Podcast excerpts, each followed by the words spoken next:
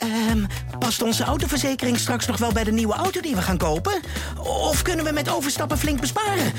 Genoeg van het stemmetje in je hoofd? Even Independeren. Daar word je altijd wijzer van. Vergelijk nu en bespaar. Welkom bij Independer.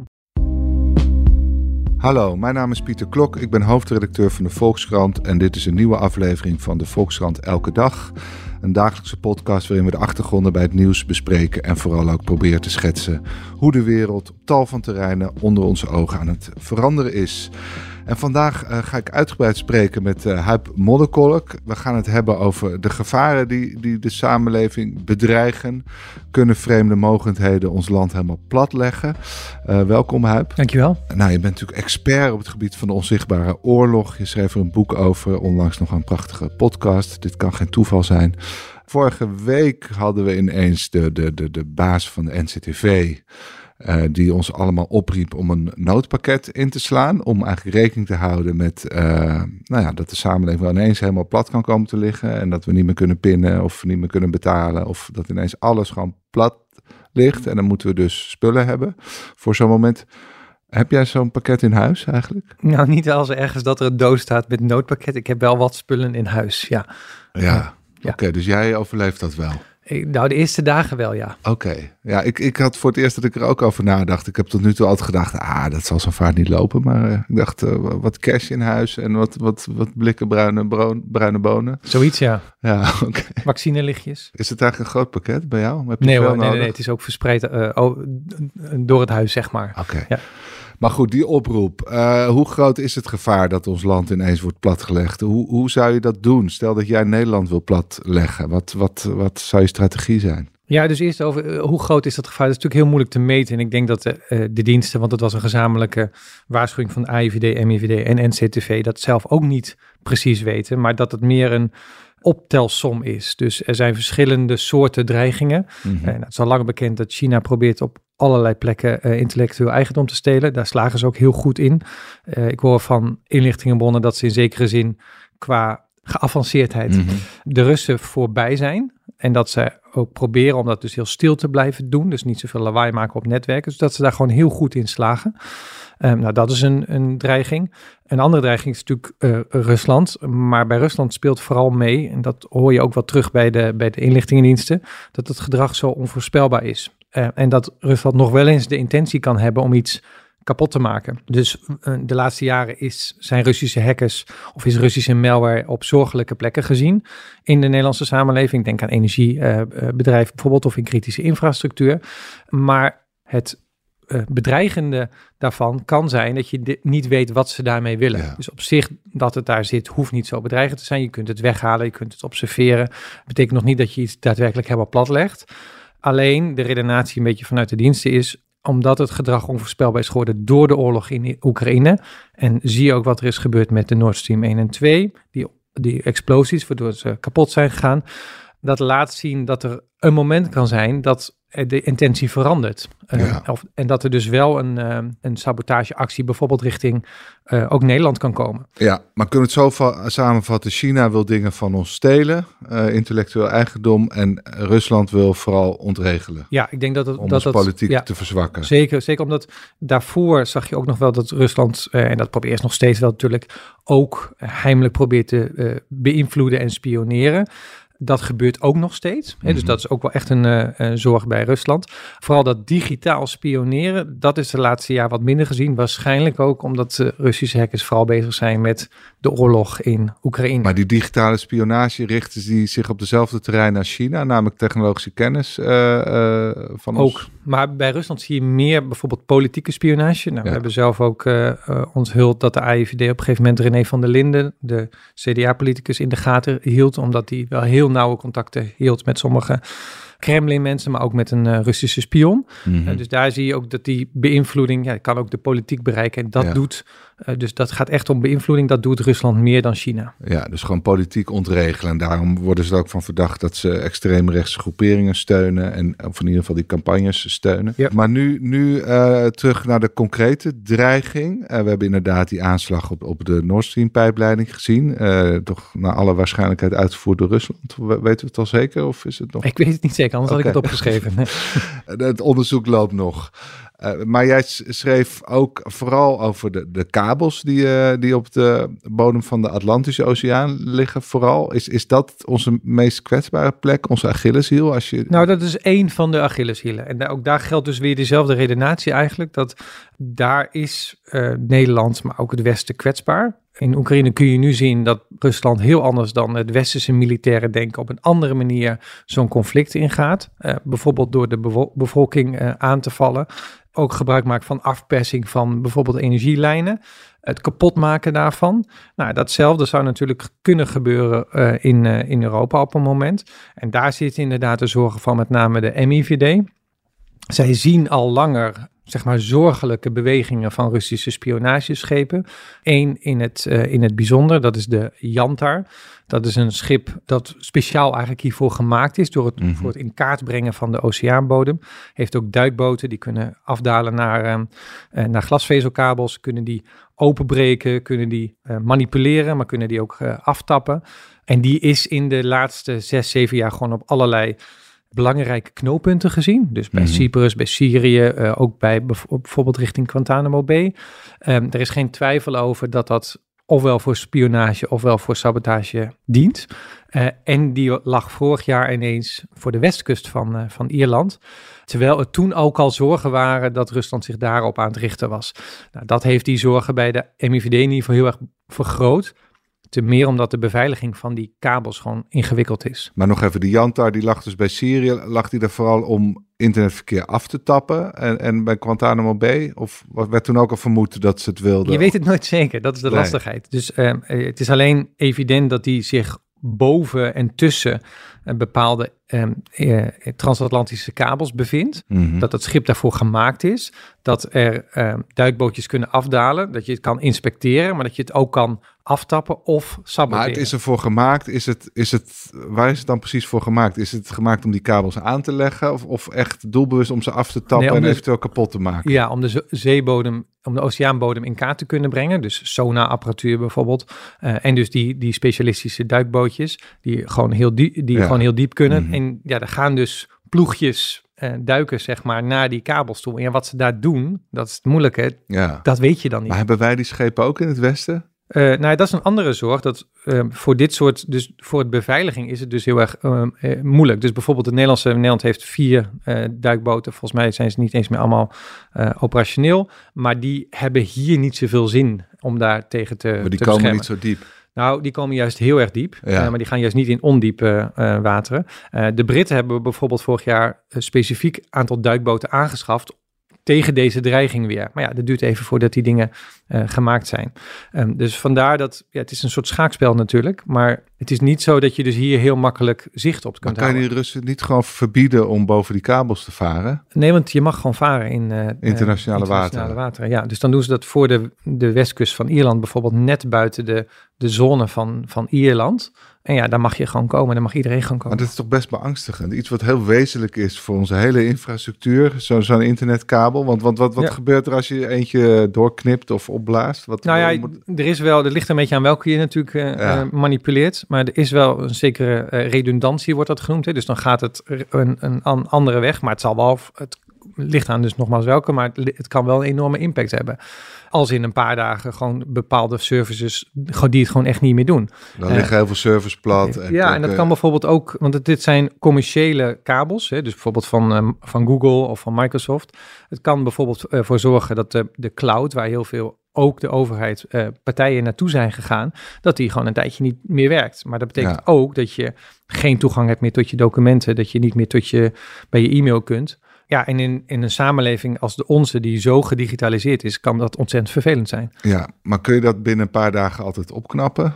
Is het, blijft het Ja, altijd beperkt de- tot een aantal dagen? Of kan Ja. je ook gewoon echt maanden? Of... Nou, nee, dat kan, eh, als het er één of twee zijn, kan dat binnen een aantal dagen. En er zal altijd een soort, nee, wat ik zei, redundantie zijn dus. Dus dan gaat Ja. een deel van het verkeer, kiest meteen een, eh, een andere weg. Het kan dus wel degelijk een paar dagen een, een flinke impact hebben. Vandaar ook, denk ik, dat advies van eh, die NCTV, van nou, zorg er nou voor dat je in ieder geval 48 uur vooruit kunt. Ja, maar eigenlijk kun je bijna niet verdedigen tegen dit gevaar. Je- Nou, bijna niet, nee. Maar zoals alles is er ook wel weer een, ergens een soort van oplossing. En dat is dat er een Amsterdamse start-up is die samen met Defensie nu een mogelijkheid heeft gemaakt om die glasvezel, zeg maar zelf, uh, dat glasvezelsignaal, heel goed op te vangen. Uh, en die kan tot een biljardste van een millimeter Ja. nauwkeurig zien of er ergens een probleem is met dat signaal. Je kan niet voorkomen dat er wordt gesaboteerd, Ja. maar je kan wel zien bijvoorbeeld dat er, hey, er komen gekke schepen aan, hey, er zijn Ja. mensen aan het knoeien met die, bij die kabels. Eh, dat is in een hele kleine plastic slang en daar zitten dan minuscule microfoons in. Ja, Dat is een ontwikkeling, dat gaat nu getest worden. En dat kun je dus eh, meenemen met een schip en bijvoorbeeld langs zo'n glasvezelkabel leggen of in de buurt van zo'n glasvezelkabel leggen. maar dat, dat, dat zijn eigenlijk een soort vitale onderdelen van je infrastructuur, maar die liggen in internationale wateren. Dus je hoeft niet eens een land aan te vallen om ze toch heel hard te kunnen raken. Ja, exact. Ja, en er zit nog een extra eh, um, zorg bij voor, voor de toekomst. Er, er komt natuurlijk eh, langzamerhand steeds meer van onze stroom vanaf de zee. Dus van die grote windmolenparken. Sterker Ja. nog, in 2030 moet dat volgens mij bijna 50% zijn, misschien al, al wel meer. Daar is ook nooit nagedacht over, dat moeten we heel goed beveiligen. Want ja, waarom zou je dat zomaar doen? Het moet vooral werken. Dus dat gaat naar zogeheten transformatorhubs. En dat zijn er maar enkele, een soort boordplatforms. En dan gaat het naar Nederland toe, naar het land toe. Ja, Die moet je natuurlijk ook beveiligen. Als in eh, daar, als je dat ehm, als Rusland zijnde zou saboteren, heb je, heb je ook een eh, flinke schade in Nederland. maar moeten we nou concluderen dat, eh, want om China wordt natuurlijk ook een steeds feller gevecht eh, gevoerd, hè? ook onder leiding van Amerika, die, die zegt we moeten echt voorzichtig zijn om hen niet te veel, van niet te veel kennis te, te, te voorzien. Eh, Dus Mhm. ingewikkelde chips, die productie moeten we zoveel mogelijk hier houden. Eh, nou ja, Rusland, dat is eh, eh, duidelijk waarom dat een grote gevaar is door de oorlog in Oekraïne. Maar, maar zijn- kun je zeggen dat de gevaren van beide landen zijn toegenomen? Of, of is het... Ik denk dat het een palet is, waardoor nu die waarschuwing komt. Dus de oorlog in Oekraïne heeft iets laten zien, maakt de dreiging vanuit Rusland voorstelbaarder en eh, belangrijker. Maar laat vooral zien dat Rusland onvoorspelbaarder is dan we dachten misschien. Nou ja, en tot bepaalde dingen kan overgaan die voorheen als ondenkbaar werden Ja. beschouwd. En bij China is het, eh, denk ik, ook een oproep om heel erg alert te zijn. Dat zie je ook terug in het, eh, in het dreigingsbeeld. Dus een oproep om, ik, ik denk dat, dat de misvatting soms is dat wij in Nederland, en dat, dat, dat lees je een beetje terug in die waarschuwing van de AIVD en MIVD, het heel erg bezien van, oké, maar dit, dit is een bepaalde actie en die heeft dat tot doel. Bijvoorbeeld Ja. zo'n sabotage. Nou, een ander voorbeeld. eh, de, het DDoS'en van de website van het Europees Parlement nadat eh, Europa Rusland een terroristische staat noemde. Dan is die website een paar uur offline. Nou, dan kun je zeggen, wat is daarvan nou het effect? Hè? Het, is, het is maar een paar uur, wat is de schade? Maar bij de MIVD, zo noemde eh, Hendrik Bos dat, directeur inlichtingen, die zei van ja, maar wat daar het doel van is, is het ondermijnen van het vertrouwen in Europese instanties. Dus wij zien het als, het stelt toch niet zoveel voor, zij zien het als, nou ja, alles wat bijdraagt aan het ondermijnen, aan het kwetsbaar maken, aan het idee geven dat bijvoorbeeld Europa jou niet kan beschermen, eh, daar niet toe, goed, goed toe in staat is, dat helpt Rusland. Dus een soort gevoel onder de bevolking. Ja, en bij China moet je dan zien, kijk, als het gaat om intellectueel eigendom, zijn er kleine bedrijven, maar ook grote bedrijven die nog steeds niet goed ja, beseffen dat ze dat in één keer kwijt kunnen zijn. Dus die die digitale beveiliging niet goed op orde hebben. En bij China is het vaak een, Maar wat kun je kwijt zijn? je intellectuele eigendom. Dat kunnen hele simpele dingen zijn. Gewoon ehm, eh, een, een bedrijf dat bijvoorbeeld een, op een specialistische manier een de- 3D, aan 3D-printing doet. Mhm. Ja, als je die techniek kwijt bent, besta je niet meer. En als het daar eh wordt Maar kwijt is dat, dat, dat zij het ook hebben of dat zij het helemaal hebben? dat zij het eerst stelen, de blauwdrukken Ja. stelen, vervolgens zelf gaan doen en daarin Ja. groot worden. En waardoor jij eigenlijk je bestaansrecht verliest. Ja. En wat de misvatting vaak is, is dat het niet wordt gezien als een poging van een heel front. Dus de Mhm. Chinese overheid is erbij betrokken. Die heeft het tot doel om eh, op bepaalde terreinen wereldleider te worden. ja. Die vereist bepaalde informatie. Zo'n zo'n bedrijf kan spioneren. Er, kan, er kunnen eh, insiders zijn die helpen. Er kunnen commerciële partijen. Dus het is een over de hele linie word Ja. je zeg maar bedreigd. Dus voor jezelf lijkt het gewoon iets kleins, want je wordt gewoon overgenomen door een Chinees bedrijf of je gaat samenwerken met een Bijvoorbeeld, Chinees bedrijf. ja. Maar je ziet niet dat daar een enorm plan achter zit. Van de, Exact, en dat is vaak de misvatting. Dus dan is het ergens is het iemand die iets stilt, een Chinese medewerker die iets stilt. Dat kan een opdracht zijn. ja. En dat besef wordt steeds sterker. Dus, dus dat China met een Exact. soort masterplan bezig is om het Westen langzaam weg te spelen. Exact. Goed, nu uh, stuurde het kabinet vrijdag een, een cyberwet naar de Kamer, een tijdelijke cyberwet. Uh, die was speciaal bedoeld uh, om onderzoek te doen naar landen als China en Rusland. Wat, wat is dat voor wet? Ja, dus, dat is exact dat is het, het verruimt de mogelijkheden, omdat de AIVD en MIVD eigenlijk zeggen van ja, we hebben niet, als we een bepaalde digitale dreiging zien, hebben we niet de snelheid om daarop te kunnen reageren, omdat we allemaal bijvoorbeeld extra toestemmingsaanvragen moeten doen bij de toezichthouders. Dat is geëvalueerd. Daarvan is een, rapport gekomen, nou, zoals dat vaker gaat. Um, dat is uiteindelijk uh, in, een, in een wet gekomen. Die is een beetje, of die is omstreden, omdat het de mogelijkheden vergroot om op de kabel onderzoek te doen, internetkabel, maar ook om te hacken. En omdat het toezicht vooraf, wat wordt uitgehold, daar is wel bindend toezicht gedurende het onderzoek voor teruggekomen.